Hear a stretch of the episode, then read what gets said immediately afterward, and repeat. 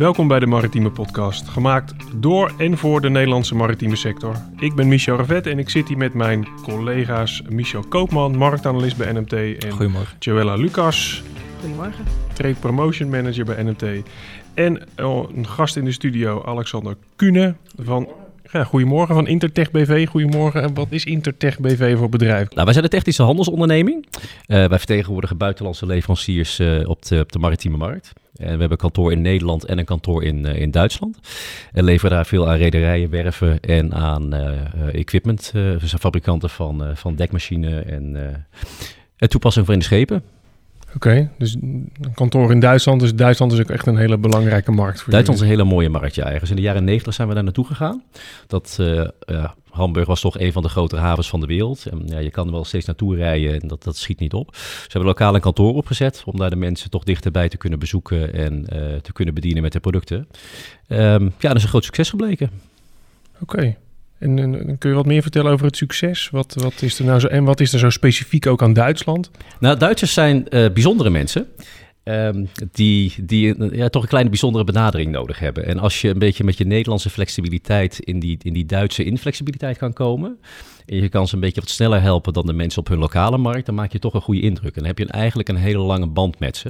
Dus als je één of twee keer heel goed helpt. Dan ben je eigenlijk tot de lengte van jaren ben je goed met ze bevriend, zeg maar. Dus je kan heel makkelijk een band opbouwen die, die heel lang duurt. Het is toch een hele grote markt die ook heel dichtbij is. Qua cultuur ook heel dicht bij elkaar staat. Uh, dus als je daar een beetje uh, tijd en, en, en, en, en geld in spendeert, dan heb je daar een hele goede afzetmarkt. Oké. Okay. En Michel Koopman, uh, ja. Duitse markt heel dichtbij. Hoe interessant is die Duitse markt dan voor de Nederlandse maritieme maakindustrie? Klopt, ja, nou, dat is natuurlijk best wel interessant, want de Nederlandse leveranciers die richten zich voornamelijk op de jachtbouw, maar ook de marinebouw en de bouw van uh, grote cruiseschepen bijvoorbeeld. En aangezien Duitsland daar een behoorlijk marktaandeel in heeft uh, en uiteraard naast de, de, deur ligt, is het bij uitstek een interessant land om een keertje te gaan kijken. Oké. En hoe staat Duitsland nou eigenlijk bekend als, het, als je het hebt over de scheepsbouw? En hoe verhoudt zich dat dan tot andere landen? Ja, als je gaat kijken naar het orderboek, dan ongeveer een kwart van het Europese orderboek, dat is uh, toe te rekenen aan Duitsland. En dan hebben we het over commerciële zeeschepen. Dat wordt dan gemeten in CGT, dat is een bepaalde niet-lineaire volumemaat uh, gecompenseerd voor de complexiteit van zo'n schip.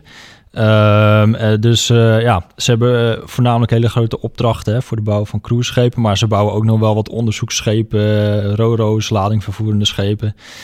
Maar daarnaast, hè, dus naast die commerciële zeeschepsnieuwbouw, bouwen ze ook jachten, marineschepen en zelfs ook riviercruiseschepen. Dus het is toch nog wel een hele interessante grote markt hoor. Oké. Okay. Um, ja, nou ben ik niet zo van alle maritieme termen nog op de hoogte, maar roro's, ja, roll-off, roll-on. Uh, dat, zijn ook, um, dat is een bepaald lading uh, uh, vervoerend schip. waar je dus met auto's of vrachtwagens in kan rijden. Oké. Okay. En er dus ook weer uit. Dat is okay. wel handig. En dan hoor ik je ook zeggen dat ze grote cruiseschepen bouwen.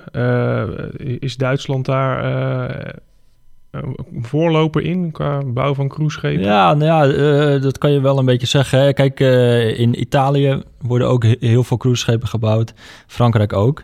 Maar Duitsland doet goed mee. En ze zijn ook heel erg vernieuwend wat dat betreft. Als je gaat kijken bijvoorbeeld naar voortstuwing op LNG of andere soorten energie dragers. Uh, dus bijvoorbeeld een hele grote cruiseschip bouwen. Dat is Meyer Group. Uh, die heeft een aantal werven in Duitsland, maar ook in Finland. En als je dan gaat kijken naar hoeveel van die grote cruiseschepen ze nog gaan bouwen of aan het bouwen zijn, dan kom je al gauw uit op een stuk of tien. Dus dat is echt best wel veel. Dus, en, die worden nu nog gebouwd, ondanks dat die markt uh, door corona waarschijnlijk ja. wel wat, uh, wat is ingezakt. Ja, klopt. Uh, dat waren voornamelijk orders die voor de pandemie al in het orderboek zijn beland. in 2021 is er volgens mij nog één order voor Meijer bijgetekend. Maar ja, de vraag naar cruiseschepen is natuurlijk door die crisis wel wat afgenomen. En daardoor zitten er wel wat cruisebouwers in zwaar weer. Um, dus je ziet ook in die markt wel dat er wat vertraagd wordt afgebouwd en uh, dat er ook wat uh, banen op de tocht staan. Ja. Helaas. En heeft dat nou ook nog uh, gevolgen gehad voor de Nederlandse maritieme maakindustrie qua werk? Ja, ook wel een beetje. Hè. Je had bijvoorbeeld een hele grote cruiseschip bouwer in Duitsland, dat is MV Werft. En die is helaas omgevallen. en dat bedrijf had een paar vestigingen en er werkten een paar duizend mensen. Ehm, en ehm, als zo'n bedrijf omvalt, ja, dan krijgt natuurlijk de hele keten die betrokken is bij de bouw ook een grote klap. En daar zaten ook natuurlijk uh, Nederlandse toeleveranciers in. Oké. En uh, uh, Alexander, is dat ook iets wat jullie herkennen? Dat, daar, dat die markt wel wat veranderd is sinds corona, doordat die cruisemarkt wat ingewikkelder is geworden? Ja, zeker wel. Wij zitten zelf wat laat cyclisch, dus wij zijn op zich nog niet betroffen. De, de bestellingen die ons bereikt zouden hebben, zijn nog niet gekomen. Uh, maar je ziet zeker dat de Duitse markt enorm veranderd is. Hè? Je ziet nu ook dat Meijer ook gaat diversificeren naar andere soorten van schepen. En dat MV-werften vroeger natuurlijk containerschepen maakten. Maar die zijn in dat gat gesprongen van, van, van cruiseschepen. ja, die zullen zich allemaal weer moeten herstructureren en een nieuwe uitdaging moeten zoeken. Dus je ziet wel dat de markt enorm vertraagt of uh, verandert. Ja, ja uh, en ik vond het ook wel grappig hoor, want uh, bijvoorbeeld Meyer Group die heeft aangekondigd dat ze misschien ook hele grote jachten zouden willen gaan bouwen. Maar ik zag ook in het nieuws, dat was laatst, dat ze een joint venture zijn aangegaan met een wereldleider op het gebied van drijvend ontroerend goed. Dus dan willen ze hele grote woonboten en drijvende ho hotels gaan bouwen misschien. Dus ze, zijn een beetje aan het kijken van of ze ook een beetje in die markt uh, bezig uh, kunnen gaan. Maar voor dat laatste dan, hè, die uh, grote woonboten en drijvende hotels, komt dan wel wat minder scheepsbouw content bij kijken. Ja. Omdat er ook veel op het land ja, geïnstalleerd kan worden. Ja. Er zijn niet zo heel veel alternatieve cruisescheepbouwers in de wereld. Dus de, de kans dat er nieuwe opstaan is natuurlijk vrij klein. Ja. Dus die technologie gaat niet verloren. Dat hopen we. En uh, Alexander, is dat nou, richten jullie als bedrijf nou specifiek op bepaalde type schepen in Duitsland? Of is het de totale scheepsbouw waar je op... Uh... Nee, het is totale scheepsbouw. Het is, het is puur afhankelijk van waar... Wij leveren bijvoorbeeld remvoering aan een delierenfabrikant. En die levert dat naar wat voor schip ook gebouwd wordt. Dus voor ons is niet echt heel specifiek wat voor type schip.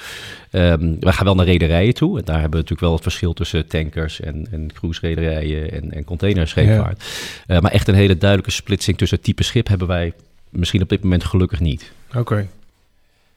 Um, hey Michel, nu, nu um, uh, las ik ook, uh, uh, nou ja, zoals iedereen, heel veel nieuws over, over jachtbouw. Nou, die worden natuurlijk ook in Duitsland worden die gebouwd? Uh, Klopt het nou dat de grootste jachten uit Duitsland komen? Ja, klopt. Kijk, eh, er gaat een gezegde van uh, Italië die bouwt de meeste jachten, Duitsland de grootste en Nederland de beste natuurlijk. Maar dat is inderdaad waar. die bouwen hele grote jachten en ze doen ook nog wat aan refit in die markt.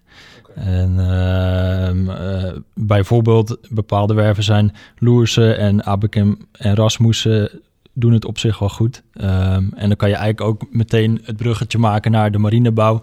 Want die hebben ook locaties waar ze dus uh, aan marineschepen bouwen. En uh, als je het dan uh, over die markt hebt, dan zijn ze naast Italië en Frankrijk zijn ze erg groot op dat gebied binnen Europa. Oké, okay. en dat is ook weer voor onze bedrijven interessant om daar ja, zeker, te ja. leveren. Zeker ja. als je het hebt over marinebouw. Ja. Oké. Okay. Ja, en dan kom ik toch aan mijn eerste vraag aan jou, eh, Joella. Want waarom moet je nou als Nederlands uh, maritiem bedrijf uh, zaken doen met Duitsland? Waarom, waarom is dat nou zo interessant, vind jij, als trade manager? Ja, ik denk dat het eigenlijk al uh, gezegd ook is door, uh, door Misha en door Alexander. Het is, uh, natuurlijk zijn het onze buren, maar daarnaast lijken we ook best wel veel op elkaar qua type schepen die we bouwen, qua technologieën, qua innovaties. En ja, we verschillen iets in cultuur, maar daar kan je best wel doorheen prikken en, en goed met die Duitsers samenwerken. Dus ik denk dat het wat dat betreft een hele interessante markt is. Er wordt veel gebouwd, er gebeurt veel en ja, het zijn onze buren. Dus waarom okay. niet? Ja, waarom niet? Hey, en uh, uh, SMM, uh, kun je daar wat meer over vertellen? Wat, wat, wanneer is het? wat gaan we daar doen als NMT? Ja, nou ja SMM um, is van 6 tot 9 september.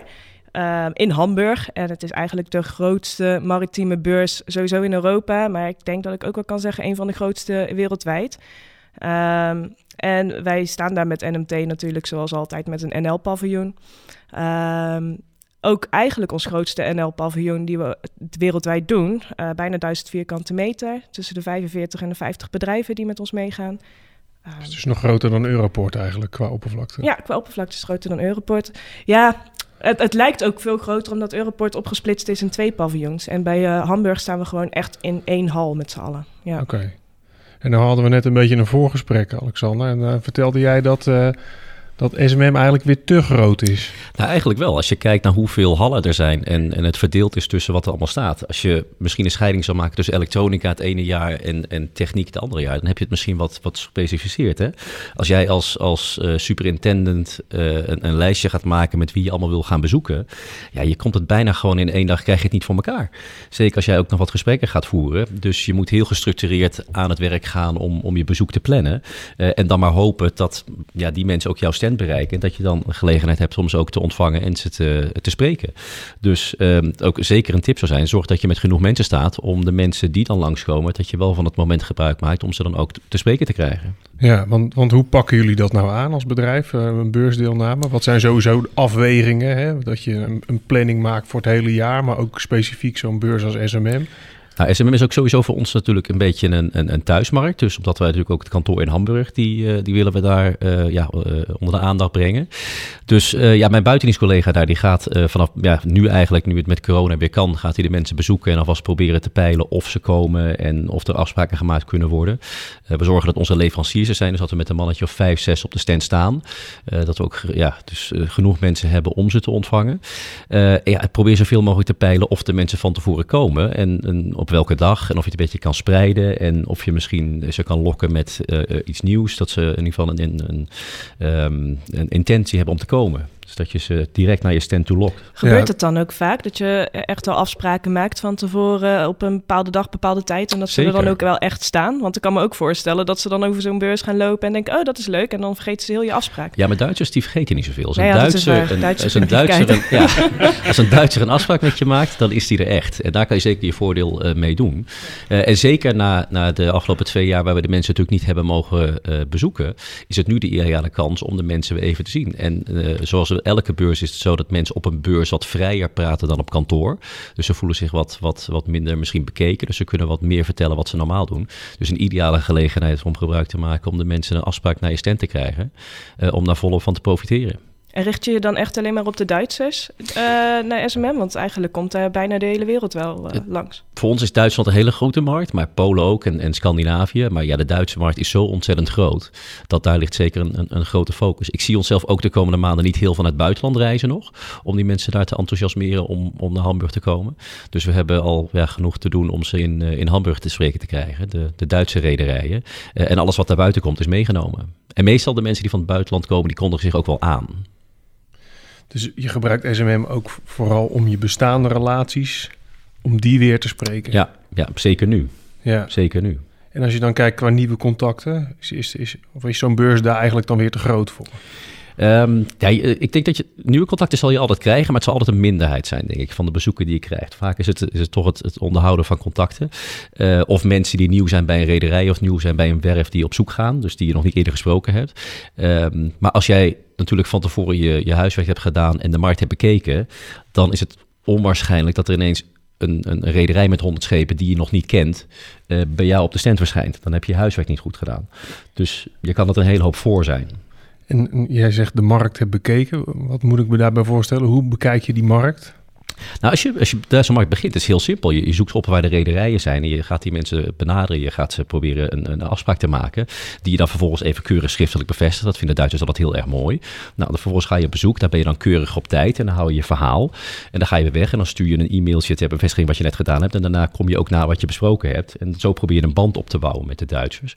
Um, en onze ervaring is altijd de Duitsers heel erg bereid zijn om te luisteren naar je verhaal. Die zijn altijd heel geïnteresseerd. Ze zullen het misschien niet in één keer nemen, maar ze willen in ieder geval weten wat er is op de markt. Maar als jij de Duitsers kan overtuigen met de techniek uh, of met je commerciële voordeel, dan zijn ze ook echt bereid om, om te luisteren en, en, en daarnaar te kijken. En ik hoor je heel veel zeggen over aandacht. Je geeft ze echt het gevoel dat ze zeker. belangrijk zijn. Ja, zeker. zeker. Dus, ja. dus Duitsers zijn heel, ja, natuurlijk heel verantwoordelijke mensen. Dus ze, ze, als zij binnen een bedrijf een beslissing maken... we gaan van leverancier deze naar de volgende...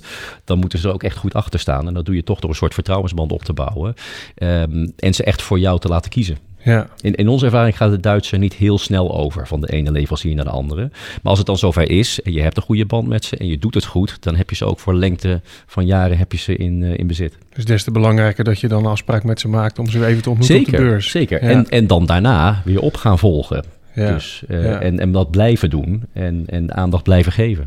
Heb je nou het idee dat, uh, omdat je een Duits kantoor hebt met Duitse mensen, dat dat het ook makkelijker maakt? Of denk je dat het niet heel erg uitmaakt voor andere Nederlandse bedrijven die geen kantoor hebben? Nou, het, het, helpt in die zin dat de Duitsers toch iets meer weten wat er onderling speelt. Dus of de lokale politiek of het lokale voetbal. Ze hebben toch een, een iets, iets um, beter zicht van wat de andere mensen denken. Uh, ik denk altijd dat wij als Nederlanders toch een klein voordeeltje hebben. Ze vinden ons heel flexibel en heel open en, en, en heel uh, spontaan. Uh, daar moet je een beetje mee oppassen. Moet je niet, ja, niet misschien heel ook erg weer te overdrijven. brutaal. Ja, daar moet je dus mee oppassen. Ja. Daar moet je mee oppassen. Wij doen nog steeds altijd, als we naar klanten gaan, gebruiken we altijd de laatste naam van de mens, dus de achternaam. Dus we gaan niet meteen met Heinrich en, uh, en, en, en, Piet beginnen. Dus pas als de mensen het zelf aanbieden. Misschien met de nieuwe generatie, met de jongere mensen is dat wat anders, maar we doen het nog altijd zo. Um, maar ik probeer een beetje het, mijn Duitse collega's te ontduitsen, met een beetje Nederlandse invloed te doen. En die combinatie werkt echt erg goed. Dat is een leuke tip. Ja, dus eigenlijk kun je wel zeggen dat we elkaar een beetje begrijpen in het zaken doen. Ja, dat is ook wel waar het uh, bij ons in de stand om draait uh, aankomende ja. keer, Joella. Kun je misschien een beetje wat meer vertellen over wat wij nou allemaal gaan doen op SMM als leden met ons meegaan? Ja, nou ja het, het, is natuurlijk, uh, uh, het duurt nog een paar maanden, maar we zijn flink bezig met alle plannen te maken voor uh, SMM. En we hebben een thema bedacht waaronder we het NL-paviljoen willen gaan, of het thema wat we willen gaan uitdragen in het NL-paviljoen, laat ik het zo zeggen. En dat is Wir verstehen einander. Um, en dat is uh, uh, gericht inderdaad op, hè, we, we, lijken op elkaar qua wat voor type schepen we bouwen, wat voor type equipment we hebben, qua cultuur ook redelijk, maar ook inderdaad, ja, wat ik zeg, we begrijpen elkaar. En ik denk dat dat wel een mooie ophangbrug is voor ons thema op SMM. En daar gaan we ja, het paviljoen op inrichten, maar ook willen we daar wat events op organiseren. En kun je daar wat meer over vertellen, over die events? Of is het er nog wat te vroeg voor? Ja, het is nog een beetje vroeg. maar uh, we gaan proberen om, om ook te kijken of dat we een netwerkevenement kunnen organiseren tussen uh, het Nederlandse paviljoen en het Duitse paviljoen. Die staan er natuurlijk ook met een gigantisch paviljoen. Uh, dus ja, dat is in ieder geval het idee dat we daar even contact mee opnemen. Van joh, kunnen we misschien iets van een matchmaking organiseren onderling.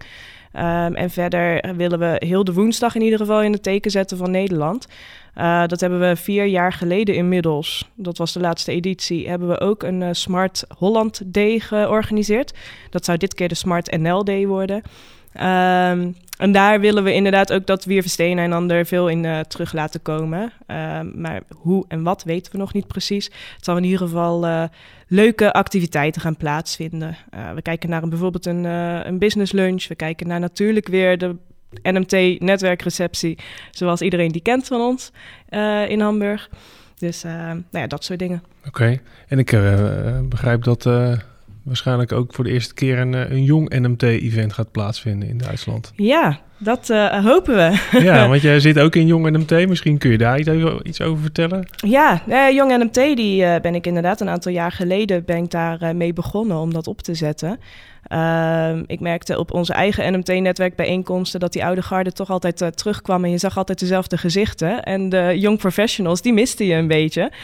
Uh, en dat hoorde je ook wel, dat de young professionals willen op zich wel komen, maar ze kennen ook niemand en ze hebben niet een eigen netwerk. Dus toen dacht ik van, nou ja, je zag het in meerdere gebieden natuurlijk gebeuren, bij meerdere verenigingen. Jong Iro bestond al, uh, Jong Dame, uh, Jong IAC. Dus ik dacht, nou laten we ook gewoon een Jong NMT beginnen. Dus dat heb ik gedaan en nou ja, dat krijgt steeds meer vorm. Helaas zijn we net begonnen en toen uh, start, kwam corona langs. Dus we hebben nog niet heel veel uh, echte fysieke activiteiten kunnen doen. Maar op Europort hebben we al wel twee keer zo'n Jong NMT-event kunnen organiseren. Zo'n bre breakfast meeting was dat. En ja, dat was gewoon hartstikke leuk. Dus dat willen we nu eigenlijk voor SMM ook doen. Een, een vroegstuk. Uh, ja, ja, een uh, jong NMT. En kijken of dat er. Ik weet eigenlijk nog niet of dat, dat er is. Maar misschien is er ook een jong professionals uh, cluster in, in Duitsland. Misschien weet jij dat. Ik kan me niet voorstellen dat ze in Duitsland zoiets hebben. Nee? nee ik denk dat we daar toch te. te, te misschien zijn ze daar iets te star voor. Het, het zou heel goed zijn voor ze, maar. Ja. Um, ik denk dat, dat geeft een beetje het verschil aan tussen Nederland en Duitsland, denk ik. Dat wij dat soort dingen opzetten en dat, dat, daar zijn ze misschien altijd wat traag op. Dus dat zeker ook de senioriteit in Duitsland natuurlijk nog heel belangrijk is. Hè? Ja. Dus nog steeds de, de, de, oudere mensen met ervaring. En uh, heel veel kleine bedrijven nog met, met, met familie. Dus met, met vader die het allemaal nog bepaalt. Ook al is hij al twintig jaar met pensioen, hij bepaalt het allemaal nog steeds. Ja. De jongere mensen worden altijd nog een beetje de, de, de, de ondergehouden. Ja, dat wordt dan misschien nog de uitdaging om inderdaad jong professionals uit Duitsland te krijgen. Maar sowieso, er staan meestal meer dan 200 Nederlandse bedrijven, 200 leden van NMT op SMM. Dus als die allemaal uh, naar ons uh, vroegstuk komen, hebben we toch ook al een mooi uh, jong professionals Zeker, event. Ja. En wat, wat, wat kunnen bezoekers aan SMM nou verwachten? Wat, wat, wat gaan ze daar nou zien op zo'n beurs? Nou, alles, dat is het probleem. Het is zo ontzettend groot dat je moet je als je zelf gaat, op zoek gaat, moet je goed voorbereiden wat je wil zien. Als jij begint bij hal 1 en je gaat daarna op zoek naar, je loopt door, ja, dan mis je de helft. Dus je moet zeker goed de, de catalogus doornemen en kijken wie er staat en wie je wil zien uh, en wie je wil spreken. Dat, dat, dat zeker als je maar één dag gaat en je hebt geen plan, dan, dan mis je waarschijnlijk de helft. Want er staat zo ontzettend veel aan, aan moois en nieuws. Zeker nadat we vier jaar nu natuurlijk niks gedaan hebben. Dus ook een hoop nieuwe mensen natuurlijk die bekendgemaakt moeten worden met elkaar. Um, dus ja, waarschijnlijk te veel. Dus het is nu nog belangrijker dan de voorgaande edities om je goed voor te bereiden. Hey, uh, nog even een vraag aan jou, uh, Michel. Uh, jij bent verantwoordelijk voor de Clipper. Jij stuurt elke week uh, de Clipper naar hoeveel abonnees? ik denk dat hij nu ongeveer naar 1600 mensen gaat, ja. Ja. ja. met de, de, laatste marktinformatie. Heb jij de afgelopen maanden nog interessante berichten doorgezet over de Duitse industrie? Uh, ja, ik ben er wel een aantal tegengekomen inderdaad. Uh, er was bijvoorbeeld een tender die Meijer en uh, hebben gewonnen voor de bouw van een onderzoeksschip. En dan had je nog Thijssen Groep die drie nieuwe onderzeeërs gaat bouwen voor de Israëlische marine. Maar wat ik ook wel leuk vond, die ik tegenkwam, is dat Voseyard, die gaat nu een serie van zes coasters bouwen. weer na, uh, nou, ik denk 10 of 20 jaar of zo. Um, en, en, het leuke daaraan is dat het ontwerp dan weer afkomstig is van Conaship. En dat is natuurlijk een Nederlands bedrijf. Ja, leuk. En uh, wat, wat moet ik me nou voorstellen qua omvang van zo'n Duitse toeleverindustrie? Wat, wat, wat, waar praten we dan over qua grootte? Ja, dat is altijd wel wat lastig om te meten, want uh, de meeste toeleveranciers die zijn niet alleen zeg maar uh, actief in uh, de scheepsbouwmarkt, maar ook allerlei andere markten. Um, dus iedereen die heeft er wel wat problemen mee. Maar nou uh, heb ik een getal gevonden van uh, de Duitse VDMA. En die heeft gezegd dat ongeveer de toeleverancierindustrie daar... Uh, dat biedt werkgelegenheid voor 63.000 werknemers. Um, met een jaarlijkse omzet van rond de 10 miljard. dus dat is nog aardig groot. Ja, oké. Wat me wel opvalt is dat het zijn buren van ons. Maar ik hoor jou, Alexander, zeggen dat het, het zijn wel buren, we begrijpen elkaar. Maar het is toch net even wat anders. Het is net wat anders, ja. maar als je daar goed op inspeelt, dan heb je een heel mooie uitgangspositie. Want wij zijn als Nederland natuurlijk heel flexibel en passen ons, uh, zeker voor, voor handel, passen ons graag en makkelijk aan. Uh, dus doe jij je voordeel mee. ze hebben toch, ja, in, in, onze mening hebben ze wat minder met Engelsen. met Fransen is sowieso een beetje moeilijk. En alles wat verder ligt is lastig. Ze kopen graag bij ons, als land dan. Dus doe daar zeker je voordeel mee. Ja. En, en ook al is het natuurlijk zo voor rederijen. Misschien dat je niet wat aan rederijen voor nieuwbouw verkoopt in Duitsland. Maar je komt wel op de, op de makerslist voor projecten die zij in het buitenland maken. Dus dat jij dan later kan leveren naar de werf in Azië. Uh, is het wel belangrijk dat je ook die contacten hebt met de werf of met de rederij in Duitsland. Om daar later dus te kunnen leveren aan, aan, aan de werf op locatie. Ja, oké. Is het ook wat jij een beetje herkent, Joella, qua wat je van leden terugkrijgt? hoe ze zaken doen in Duitsland?